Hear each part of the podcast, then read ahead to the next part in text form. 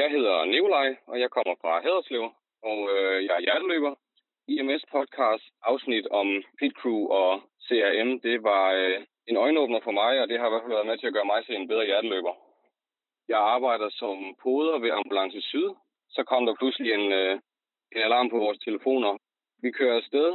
Jeg kan sådan begynde at fornemme på mig selv en lille smule, at der er nogle af de der værktøjer, som jeg har hørt om i afsnittet, som på en eller anden måde må sidde fast jo. På vej derud, der tager jeg ligesom en lille form for lederrolle ved ligesom at prøve at koordinere, hvem gør hvad, når vi kommer frem til stoppet, hvis vi er de første.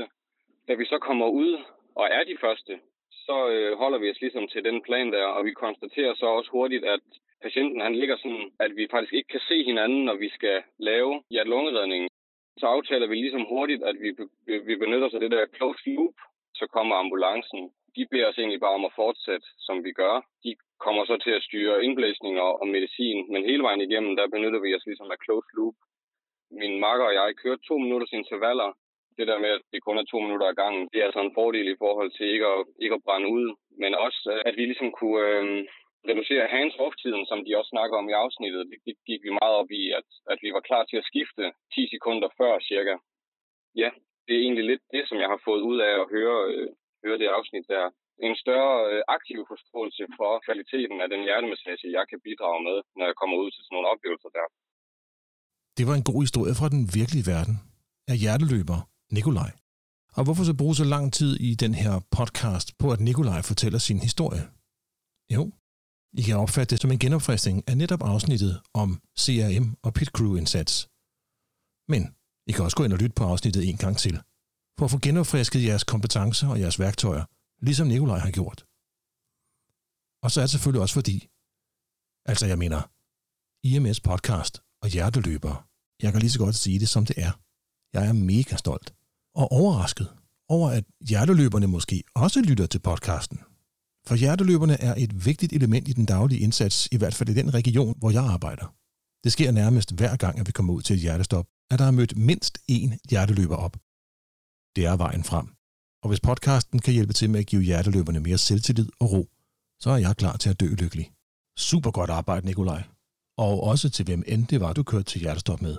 Det er lige sådan, det skal være.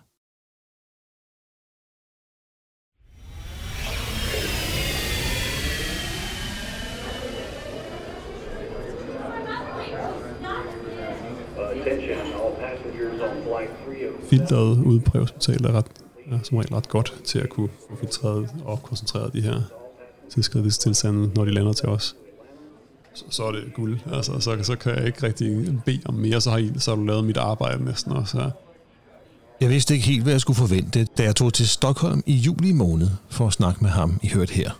Peter Tagmose Thomsen hedder jeg. Jeg er akutlæge, og lige nu er jeg i gang med min hoveduddannelse i akutmedicin i Stockholm her. Jeg er oprindeligt fra Danmark og har taget min uddannelse via Danmark. Jeg er medredaktør og medforfatter på Den Akutte Patient, hvor jeg har været medforfatter på svimmelhedskapitlet der. Min fritid bruger jeg selv på at lave podcasts og blogs på akutmedicineren.dk. Jeg var egentlig rimelig godt forberedt, men jeg havde ikke tænkt på, at administrationen af svimmelhed var, for en meget stor dels vedkommende, et spørgsmål om sublime kliniske egenskaber. Jeg var helt sikker på, at der var prøver og maskiner involveret, og i samme åndedrag prøver og maskiner, man endnu ikke havde mast ind i ambulancen. Men jeg tog fejl det er en lavrisikogruppe, hvor, hvor det er, at du skal lave nogle, du skal lave nogle bedside undersøgelser og manøvrer, som kan være lidt sådan, der er ikke nogen blodprøve, du rigtig kan tage, der er ikke nogen CT-scanner, du kan tage for at finde alle de her ting her, så det er sådan, det er dig, der skal gøre det.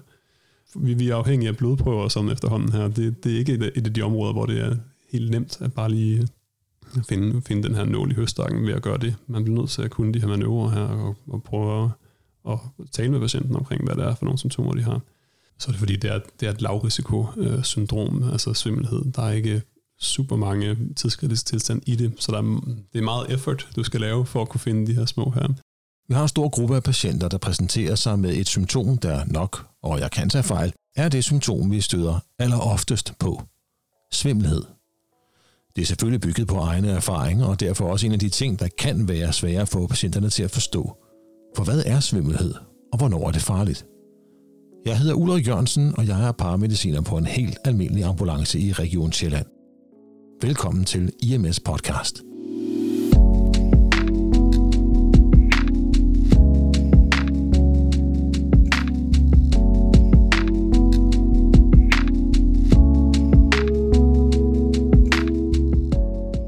Det er den her lavrisikogruppe. Altså, jeg bruger mange gange analogien om nålen i høstak problemstillingen, at vi prøver at finde de her nåle, som er de her tidskritiske tilstande. Og den her høstak, som, som man kan kalde, hvis man skal tage svimmelhed, så er høstakken enormt stor i forhold til, hvor mange få nåle, der egentlig er i den her høstak her. Men det, der er vigtigt ved svimmelhed, det er, at selvom mange af dem ikke rigtig har nogle farlige tilstande eller tidskritiske tilstande, så er der nogle subgrupper, som er høj risiko, og som man har brug for at kunne kende til. Øh, og det kræver lidt kendskab til, hvordan vi skal overhovedet spørge ind til patienten og undersøge patienten for at kunne finde de her subgrupper. Det er resultatet af, at vi ret ofte ser patienter, der er svimle. Gruppen er stor, og det er noget, der udløses af alt fra alvorlige og livstruende tilstande til psykiske og derfor ufarlige reaktioner. Jeg har selv en tendens til at tage svimmelhed meget alvorligt, men er vi gode nok til at tale svimmelhed ned? Jeg tror, at man kan præhospitalt komme rimelig langt med udredning, således at det ikke er en helt udifferentieret patient. Fordi meget af det her, det er ikke blodprøver, det er ikke CT-scanninger, det er anamnese eller historietagning og bedside-undersøgelser, som faktisk kan hjælpe her, og, og nogle, måske nogle vitale parametre. Eller, altså, så så jeg, jeg tror egentlig, man kan komme rimelig langt mange gange, og med ro i sindet for mange af dem her til at blive hjemme. Og er vi gode nok til at tale svimmelhed op? En af de ting, der ved svimmelhed kan være vigtigt at øh, tale om, det hvad kan man sige, svimmelhed plus. At dem, der har mere end bare svimmelhed, det er som regel dem, der er den højeste risikogruppe, hvis du har en svimmelhed og har en svær hovedpine eller en halssmerte. De øh, kan have interkranielle blødninger, eller kan, kan have ting, som netop kræver rigtig hurtig øh, ambulancekørning til et hospital, hvor de kan lave interventionerne øh, eller udredningerne nogle få procent af de her kan have besvimelser eller nærbesvimelser samtidig med, at de er øh, svimlende, og det kan være svært at skille. Så hvis de pradikale har der brug for en pacemaker hurtigt, så er der helt klart nogle grupper af de her, som virkelig har brug for en hurtig transport til hospitalet. Og det er som regel dem her, der har en eller anden form for svimmelhed plus, øhm, som har mere end bare svimmelheden. Hele forløbet starter vel med, at vi er en del af filteret, der skal sende patienten det rigtige sted hen, og som Peter sagde, måske i fremtiden, lad patienter, der bare er svimle, blive hjemme. Men i er et, øh, et enormt vitalt filter, fordi at, som du siger, mange er begge små, og det er det samme med primærsektoren. Der. Hvis der ikke er de her, den her gatekeeper-funktion, så finder man meget hurtigt ud af, når man arbejder i udlandet, at, at hvad der sker, når den ikke er der. For der er en ret stor del af de svimle, som rent faktisk kræver vores og hospitalets opmærksomhed og intervention. De 15 procent er formentlig fra et studie fra 2009 af en, øh, en, af, en af dem her fortaler en, for den her nye paradigme inden for, for, for svimmelhed, der hedder Newman Toker. At de her 15 procent, det er sådan, hvis vi ikke gør noget, så har de en dårlig prognose, det er egentlig det er endnu værre faktisk. Altså, så vi skal virkelig gøre noget for dem her.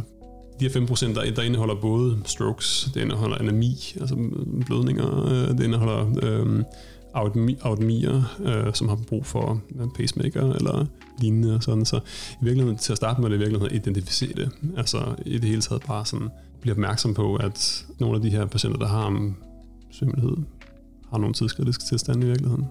Den udifferentierede svimmelhedspatient er der nogle nyere studier her i Sverige, der viser, at sådan kun mellem altså 0 og måske 5 procent har nogle helt tidskritiske tilstande der, men, men hvis man går ind på nogle subgrupper, for eksempel dem, der har akut konstant svimmelhed, så har de en betydelig højere risiko. Øhm, de har måske en 10-20% risiko for en høj risikotilstand. Så der er nogle af de her subgrupper, som man skal kunne øh, sådan pege ud og få sendt videre rigtigt.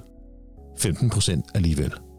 Det er mange, hvis du spørger mig, og jeg er ikke sikker på, at jeg i mit hoved mener, at jeg skal gribe ind over for hele 15 procent. Det kunne være rart, hvis jeg først og fremmest vidste, hvad de svimle kan fejle, og ikke mindst, hvad de kan fejle, der er farligt. Så den her store gruppe er monosymptomatisk, eller kun et symptom svimmelhed, kan have kvalme opkastninger, men må ikke have andre ligesom, symptomer. Det er det, at det er patienten, som ligger i sengen, man gerne vil have, ligger helt stille, og vil finde ud af, man vil gerne sådan man vil gerne kategorisere dem sådan, har de konstant svimmelhed, eller har de, har de en, uanset hvor lang tid det ligger helt stille, så, så, så forsvinder den altså ikke. Fordi hvis den forsvinder, når de ligger stille, og den kommer tilbage, når de rører sig hurtigt, så er det som regel øresten, øh, eller det er en af de helt store grupper, og dem kan man som regel ret hurtigt fange op på den måde. Og hvilke af dem er så farlige? Halssmerte, særligt ved unge med svimmelhed, der er en karotisk dissektion eller vertebralis dissektion, er vigtigt at, at fange op der. Hvis du har en patient, som har hovedpine med svimmelhed, altså det skal være dominerende symptom, så at sige, og særligt hvis det er den her tordensgrads hovedpine, men også de her cerebellar blødninger, altså blødning i lillehjernen. De vil som regel have de her koordinationsforstyrrelser også, der, og som regel kunne ses på anden vis, men jo, dem.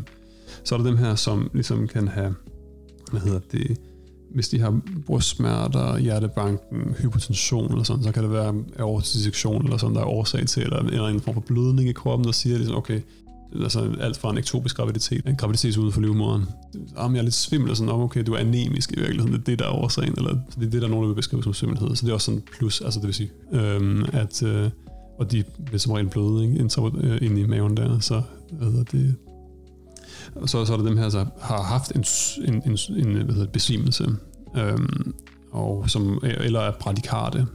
Øhm, de kan have AV-blok, øh, som regel, øh, eller en anden årsag til deres bradykardi. Som, øh, så er der dem her, som har høretab, eller som nylig har været ude at dykke.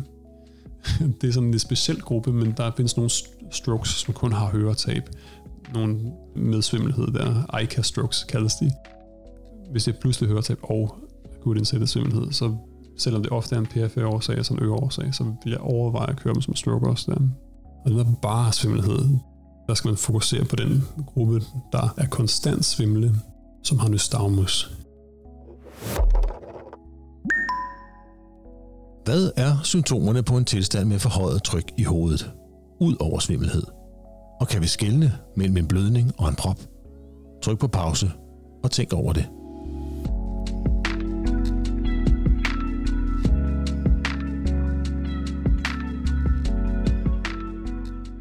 Hjerneblødninger, som ofte er årsagen til et forhøjet tryk ind i kraniet, ses i 15% af de tilfælde, der går ind under kategorien apopleksi.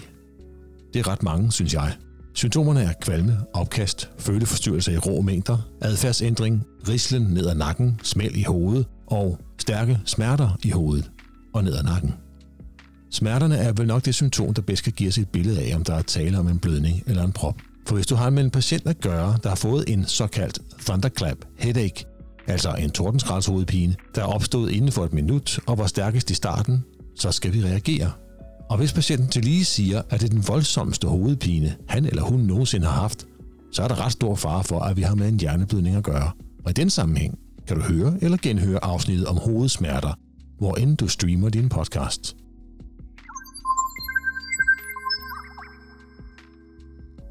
Nystagmus. Øjencitron vil jeg måske også kalde det. Alle de tilstande, Peter nævnte der, falder ind under kategorien svimmelhed plus. De fleste af mulighederne kender vi udmærket og ved, hvad vi skal gøre. Og for at præcisere en lille smule, så er det denne gruppe, de konstant svimle med nystagmus, der har 15-20% risiko for stroke.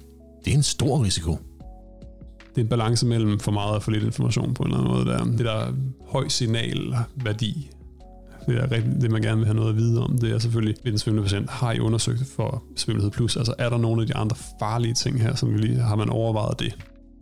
Super, hvis jeg ved, at de allerede har, om de ved, at, så, så kan vi gå videre, okay, men det er en patient, der er monosymptomatisk svimmel, altså okay, der er kun svimmelhed og måske opkastning og kvalme.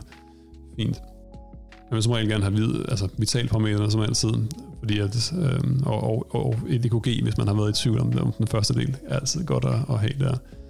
Man vil gerne vide noget om, jamen, konstant svimmelhed, eller er de, er, de, er de helt rolige, når de ligger ned? Altså, og er der noget, der udløser den her svimmelhed? Altså når de for eksempel rejser sig op, øh, er, de, er de autostatiske? Ligesom? Er de, når de vender sig rundt på siden, kommer den så? Altså er det sådan mere en, øh, en ørestens øh, historie her?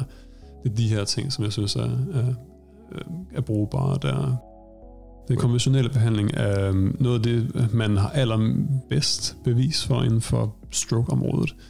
Det er, at patienten skal lande på en strokeafdeling, hvis de har mistanke om stroke.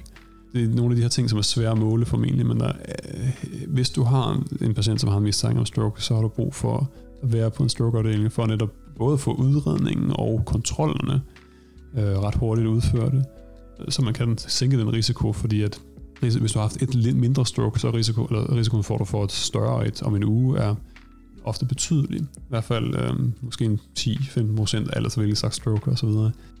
Men jeg tror, at man nogle gange ja, man tænker, ah, at det er milde symptomer, så der er ikke noget. Nej, det, det er virkelig vigtigt, at de kommer ind på en strokeafdeling, Helt klart. Men jeg er ikke sikker på, at jeg indtil nu har vidst, hvad jeg skulle stille op med svimmelheden og nystagmus. Måske har jeg endda ikke lavet den kobling, at der i særdeleshed er en sammenhæng mellem de to symptomer, og slet ikke, at den kan være tidskritisk, så det basker. Men lad os lige først stå fast, hvad nystagmus egentlig er. Nystagmus er den øjenbevægelse, når du, når du kører bil. Øhm, så når du fixerer, hvis du ser nogen, der øh, sidder på passagersædet i en bil og kigger ud af vinduet, så ser du, at, at de har en hurtig øh, øjendrejning i, i, i den ene retning, og så kommer en korrigerende øjendrejning i den anden retning her.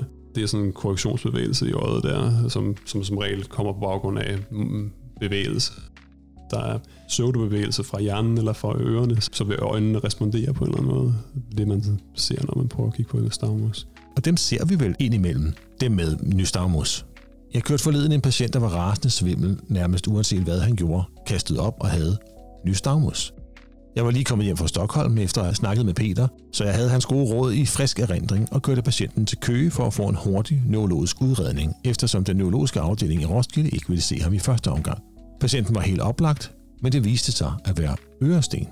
Krystalsyge, eller hvad hedder det? En, hvad hedder det? Øresten. En øresten. Så hvordan kan jeg skelne mellem de tidskritiske patienter med svimmelhed og nystagmus og dem, der ikke har en lidelse, der er farlig? Man skal vælge den rigtige patient. Og det er den her konstant svimlende patient, som har nystagmus. De skal have de to ting. Øhm, hvis de ikke har det, så er det ligesom at undersøge nogen ude på gaden. Og dem ude på gaden, de har ikke alle sammen strokes. Så langt, så godt. Den rigtige patient, og ikke bare hvem som helst, svimmelhed med nystagmus, har det. Og her er det måske også meget godt at nævne, at en del af det at være den rigtige patient også betyder, at det skal være muligt at gennemføre testen. Forstået på den måde, at påvirkede patienter, altså af alkohol eller af stoffer, patienter med sprogbarriere eller anden forståelsesproblematik, jo ikke er den rigtige. Der må vi forlade os på den almindelige, lad os kalde den grove neurologiske undersøgelse. Men hvad så? Så kan, du, så kan du gå videre og lave resten af HINS-testen her. Fordi nu har du med at gøre den her gruppe, som vi kalder det akutte vestibulære syndrom. Det består af tre, helt det består af tre tests. Øhm, øhm, noget, der kaldes Head Impulse-testen, som er HI. Ja. Så har du Nystagmus, som er endet, og så har du TS, som er Test of Skew. Hver af de her tre tests, som man nu udfører under den her HINS-test her, de har en perifer og en central årsag her. Hvis bare en af de her tests tyder på noget centralt, så kan du ikke udelukke stroke. Og så kommer der lige lidt fra podcastens sponsor. Bliv hængende og find ud af, hvad vi egentlig skal stille op med den der svimle patient, der har nystagmus.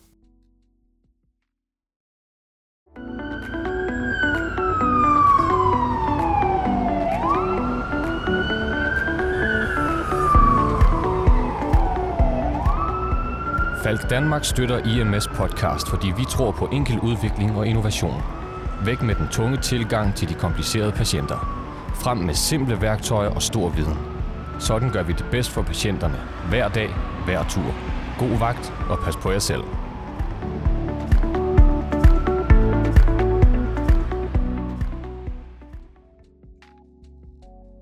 Det er altså meget godt. Perifert, centralt osv. Men jeg leder efter en måde netop at gennemskue, om det er en skadelig tilstand for hjernen eller ej, at patienten er svimmel og har nystagmus. HINS, det er det, man kalder et akronym. Det, det, sådan, det, det består af tre, HINS er, det består af tre tests. Tre simple tests. Ud fra en filosofi og en virkelighed, som vi i ambulancen elsker. Den simple bedside undersøgelse. Ingen maskiner, ingen prøver. Jeg ved godt, at både maskiner og prøver giver os en større sikkerhed, så det vil... Der er lavet på det her, og de er lavet for 10 år siden her, af nogle, og det var nogle neurooftalmologer, nogle der er super eksperter i de her ting her. Der kunne de få få ligesom, øh, sikkerheden omkring de her tests til at være højere end en MR-scanning eller en CT. Ja, så. Men det var lige godt pokkers. Bedre og mere præcist end en MR-scanning. Scanning. Det er sidenhen blevet undersøgt på akutlæger og altså, sådan normale, helt, helt dødelige akutlæger som, som mig, og der kan vi ikke få dem helt op på samme niveau, men den er stadig formentlig bedre end en MR-scanning i den akutte fase, så det er stadig sådan, at vi øh, i høj grad vil afhænge mere af den her, og hvis vi er i tvivl, så må man lægge dem ind og, og køre som en stroke, hvis det er. Men ofte kan man komme til en, til en rimelig sikker diagnose på den her, ved, ved den her gruppe. Men kan vi i ambulancen udføre hints? Hvis man kan give dem det, så, så, har du, så får man dem ind som en pakke, hvor man, hvor man meget nemt, ret hurtigt kan, kan, kan lave de undersøgelser, der skal, der skal til, hvis ikke, og det skal vi tale om, hvis ikke I skal lave en præhospital, for det er der muligheder for i visse settings, at man kunne gøre.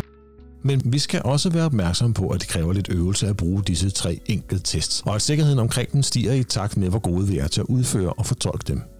Så for at være helt ærlig, så bør vi ikke under nogen omstændigheder negligere patienten, bare fordi vi ikke finder en positiv test af hint.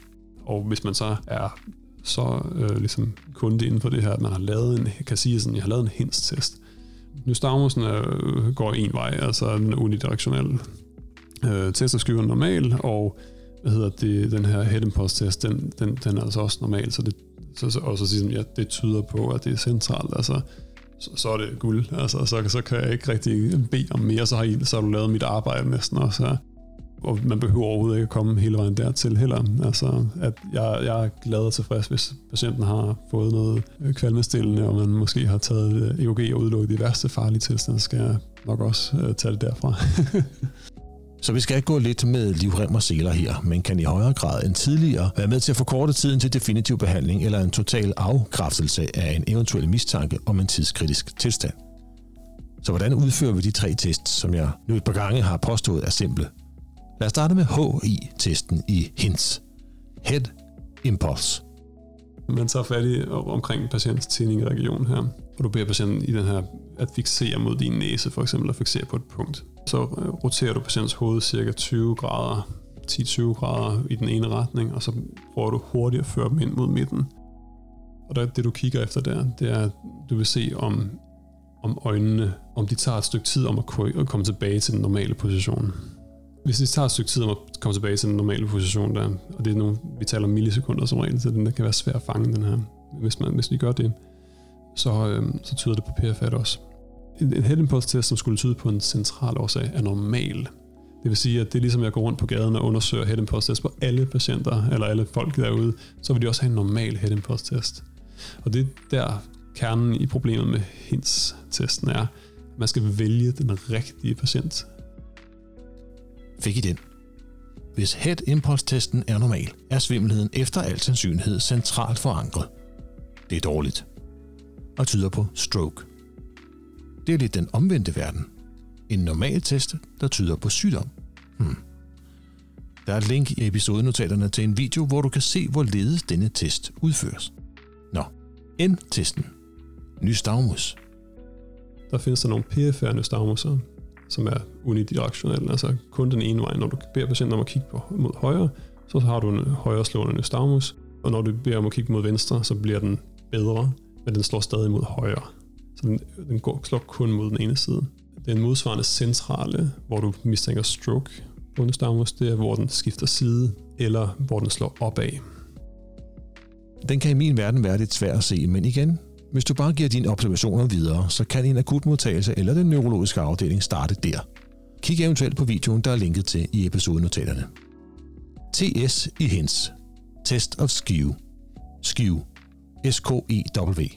Det betyder noget i retning af skævhed eller drejning. Det er egentlig bare det, man i litteraturen kalder en cover-test. Du dækker patientens ene øje og ser, om der er en korrektionsrørelse af det øje, du ikke har dækket Øhm, og den korrektionsrørelse, hvis den går opad, det vil sige, sådan, du har sådan et øje, der bobber opad, når du, når du dækker for det ene. Når du dækker for højre øje, så bobber venstre øje op. Øhm, og når du dækker for venstre øje, så bobber øh, højre øje op eller ned også. Øh, så vil du have en, en test of skew test, der tyder på noget centralt. Øhm, hvis, den ikke, hvis den ikke bobber opad, så er den normal. Øhm, så tyder den på PFR årsag. Ved du, hvad øresten er? Tryk på pause og tænk over det.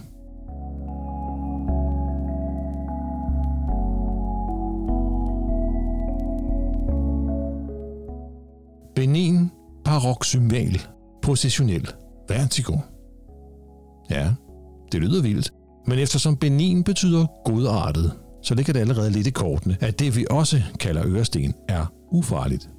Øresten er løse krystaller i balanceorganet i øret, der flytter sig, hvilket giver svær svimmelhed, kvalme og for nogens vedkommende også voldsom opkast. Det føles vildt, det kan se vildt ud, men går som regel over af sig selv og er ufarligt, medmindre patienten falder og slår sig, fordi de er svimle. Der kommer i øvrigt snart et bonusafsnit, hvor Peter fortæller lidt om, hvordan vi spotter øresten. Head Impulse, Nystamus og Test of Skew. H-I-N-T-S. Tre tests, der kan peges i retning af, hvis svimle patienter kan fejle. Men lad os starte et andet sted. Som udgangspunkt er der jo to muligheder. Svimmelhed eller svimmelhed plus. Hvis svimmelheden er patientens eneste symptom, så tag det roligt, for så er det nok ikke alvorligt. Vær opmærksom, men tag det roligt. Men er der tale om svimmelhed plus, altså svimmelhed og et eller andet andet symptom, så skal vi reagere, i det der kan være tale om en tidskritisk tilstand.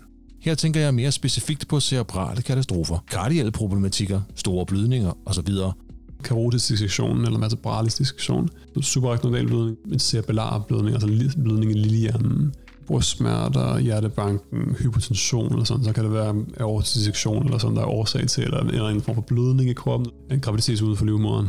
Om ah, jeg er lidt svimmel, sådan, okay, du er anemisk i virkeligheden, lidt bradikarte, AV-blok.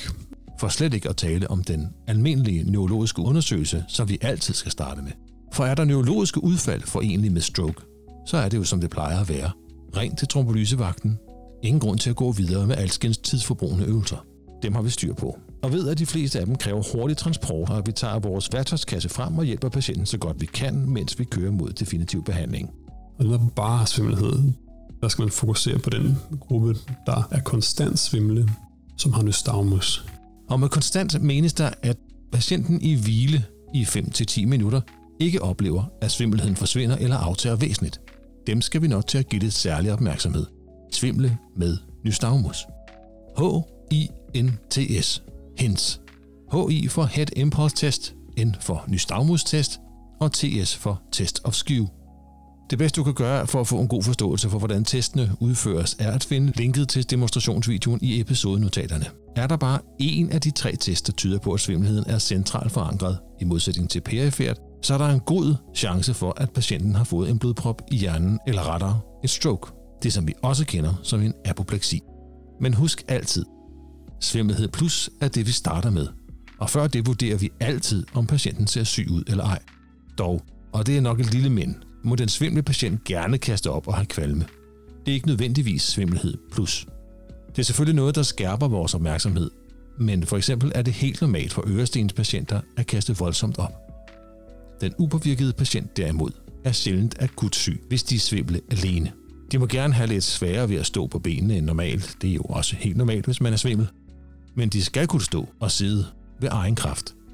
Kan de ikke det, så er det et problem. Det er nemt. Syg eller ikke syg, svimmel eller svimmel plus. Næste gang. Halløj. Halløj. Kan du høre mig? Jeg kan godt høre dig, Ulrik. Det er helt perfekt.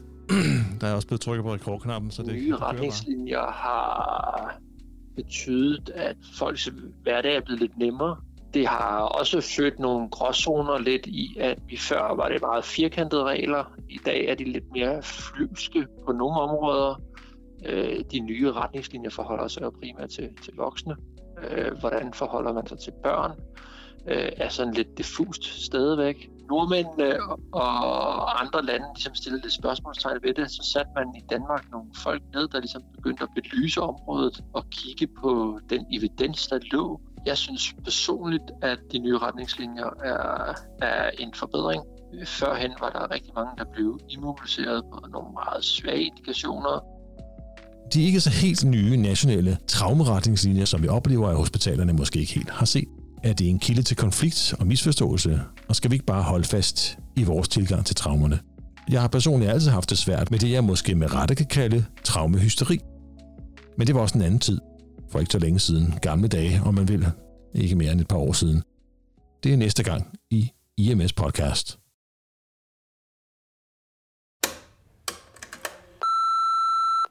Jeg hedder Johan Schultz og er hjerteassistent for Frederikssund i Nordsjælland. EMS podcast er støttet af Falk Danmark. Tak til Peter Tagmose Thomsen for at dele sin store viden om emnet med ambulancen. Og tak til alle dem, der har bidraget med gode idéer og kritiske input. Alle er velkomne til at komme med feedback, idéer, og alle, der gider at skrive, vil få et svar.